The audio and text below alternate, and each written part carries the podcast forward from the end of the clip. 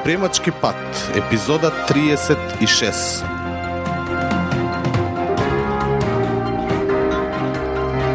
Здраво, здраво и голем поздрав до сите слушатели на Предприемачки пат. Подкаст на предприемач.ком чија цел е да ви помогне во креирање на ваш собствен и уникатен предприемачки пат. Вие го слушате 36-тото издание на Предприемачки пат.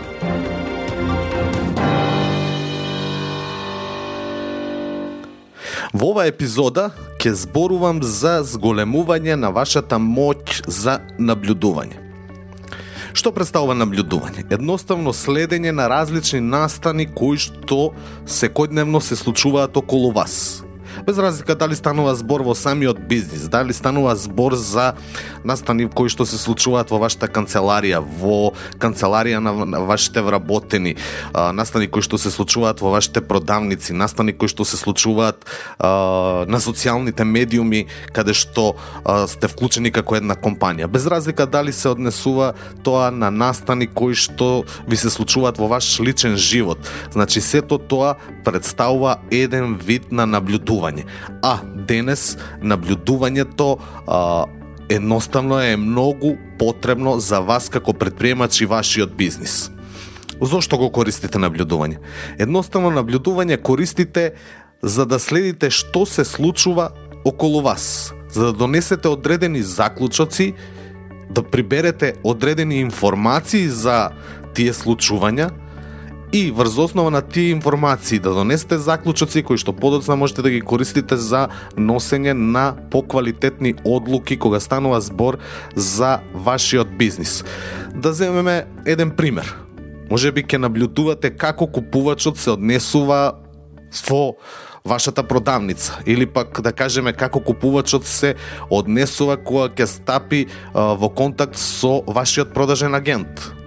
Дали тој купувач поставува прашање или не поставува прашање, колку пати продажниот агент треба да го контактира и така натаму. Значи тоа се некои елементи кои што а, ке може да ви дадат соодветни информации за да можете да ги донесете оние клучни заклучоци и врз основа на тие заклучоци да носите поквалитетни одлуки, едноставно одлуки кои што ќе се однесуваат и за иновирање, односно подобрување на вашите деловни процеси и вашиот бизнис. Значи, наблюдувањето денес е потребно за вас како предприемач и вашиот бизнис, не само заради тоа што треба да донесете некои одлуки, и што можете да го користите наблюдувањето како а, еден вид на експериментирање за она што се случува или експериментирање со одредени настани и да следите што се случува врз основа на во послучување на тие таквите настани, а врз основа на она што вие сте сакале да го спроведете или проверите. Денес, едноставно неизвестноста во која што функционира вашиот бизнис, бара многу по логично однесување од ваша страна. Тоа значи дека ќе бара да користите информации, податоци, но не само информации кои што се онака да кажам рекла казала информации, туку факти. А фактите можете да ги добиете само преку наблюдување. Сега, едно прашање кое што често пати го поставувам и, и, и како еден предприемач, но и го, ми го поставуваат, значи предприемачи, е тоа што прават добри наблюдувачи. Едноставно, значи кога ќе размислам и кога ќе ставам се на еден куп значи од сите информации и податоци кои што ги имам од повеќе од стотина предприемачи со кои што нешто сум работел на некаков начин, а сакам да кажам и да потенцирам дека секогаш кога и да сум работел со некој предприемач, еден од една од моите препораки е да користат наблюдување за а, спроведување на различни експерименти. Значи, оние подобрите едноставно се фокусираат на вистинскиот настан кој треба да го наблюдуваат. Но и само на важните активности во тие настани. Значи, тие прават белешки преку опис или цртање на графици на се она што го забележале. Значи, секој од тие добри наблюдувачи го имаат вистинскиот фокус на она вистинското нешто што треба да го наблюдуваат.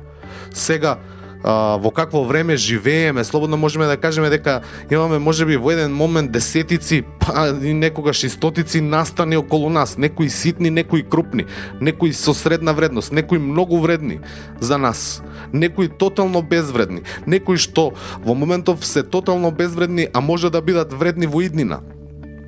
Како добар наблюдувач, вие ќе треба да изберете кој настан во тој момент е важен за вас и кој настан ќе го наблюдувате.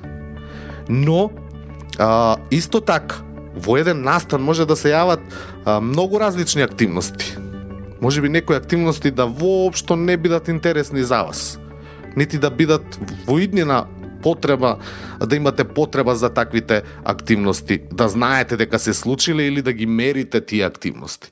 Затоа добриот наблюдувач знае и во самиот настан на што да се фокусира како важно што ќе му даде добри информации, односно добри податоци од самото наблюдување. И секако третото нешто е белешки.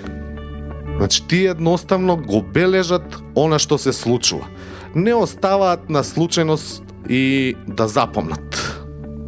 Затоа што, доколку не забележите, тоа поминува и веќе никој не го знае ниту вие, ниту пак некој друг. Но доколку го запишете во вашиот бележник, дадете опис на тоа што се случило, или едноставно некои ситуации може да се а, представат преку цртање на едноставен график или некоја скица на она што сте го забележале. Тогаш тоа представува вистинско наблюдување. Овој ваков начин едноставно ќе ве тера да донесете одлука за тоа што е важно, а што не е важно. Креирањето на белешки ќе ве овозможи да ги квантифицирате податоците. Че едноставно следејќи што се случува, како се случува и бележење. Значи, вие во истиот момент правите еден вид на квантификација на а, самите податоци. Затоа а, при самото бележење обидете се да користите бројки. Например, купувач пред да одлучи да купи колку пати е контактиран, колку пати се јавил, како а, што одговорил, колку пати го одговорил тоа што го одговорил, колку пати одбил да купи? Колку пати го прегледал производ. Значи сето тоа се одреден вид на бројки кои што ќе можете подоцна да ги користите за соодветна анализа и донесување на квалитетни заклучоци и а, едноставно да научите преку експериментирање со наблюдување на специфични настани. Например, вработениот колку пати излегол на пауза за цигари, колку време поминува во разговор со колеги, колку време поминува во вистинската работа, колку време поминува во читање на а, не знам на Facebook.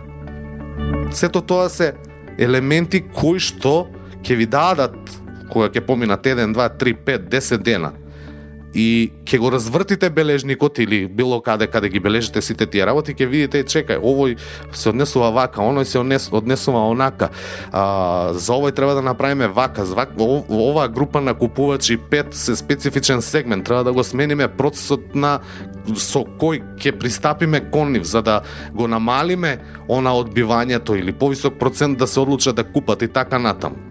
Значи сето тоа ќе го добиете само доколку користите бројки и при самото бележење ги квантифицирате податоците. Значи едноставно се фокусирате на квантификација на податоците кои што ги забележувате од наблюдување на специфичен настан. Но белешките не служат само да се запишат и да се продолжи понатаму. Значи, тие треба да се анализираат. Значи, имам случаи кога така има информации предприемач, бележи, бележи, бележи. Но белешките едноставно остануваат, поминува недела, месец, неколку месеци, години, бележникот тако е хартијан се фрла на страна, завршува процес. Па зошто? Тогаш зошто ни треба тоа? Како а, ке водиме а, белешки, а да не ги користиме, значи за да направиме соодветна анализа и врз основа на таа анализа да создадеме одредено подобрување на некој процес во нашиот бизнис. Значи, сето тоа нам ни е на крај потребно. И тие информации, значи од наблюдување и од бележникот, треба да се анализираат и мора да се анализираат. А, како една тактика која што може да ја користите е користење на дневник.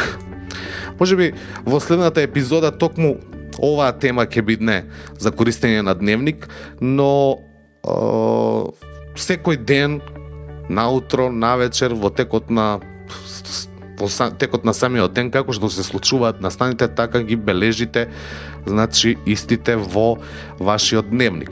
Барем денес е лесно, Значи, има различни алатки кои што може да користите, значи тоа може да биде класичен нотес, класичен дневник кој што можете да го купите во книжарница, но она што јас обично го препорачувам тоа е Evernote, сега и Day One, значи како една апликација која што е на вистина доста интересна кога станува збор за водење на дневник, но и умствени мапи или оние мапи кои што ги нарекувам.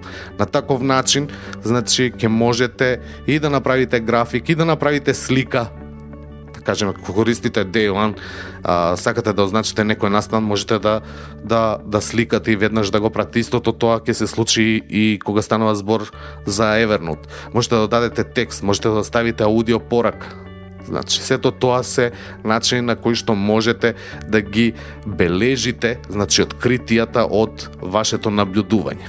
Но, исто така, процесот не завршува тука и не може да заврши тука. Значи, ги имате белешките и кажав дека тие мора и треба да се анализираат.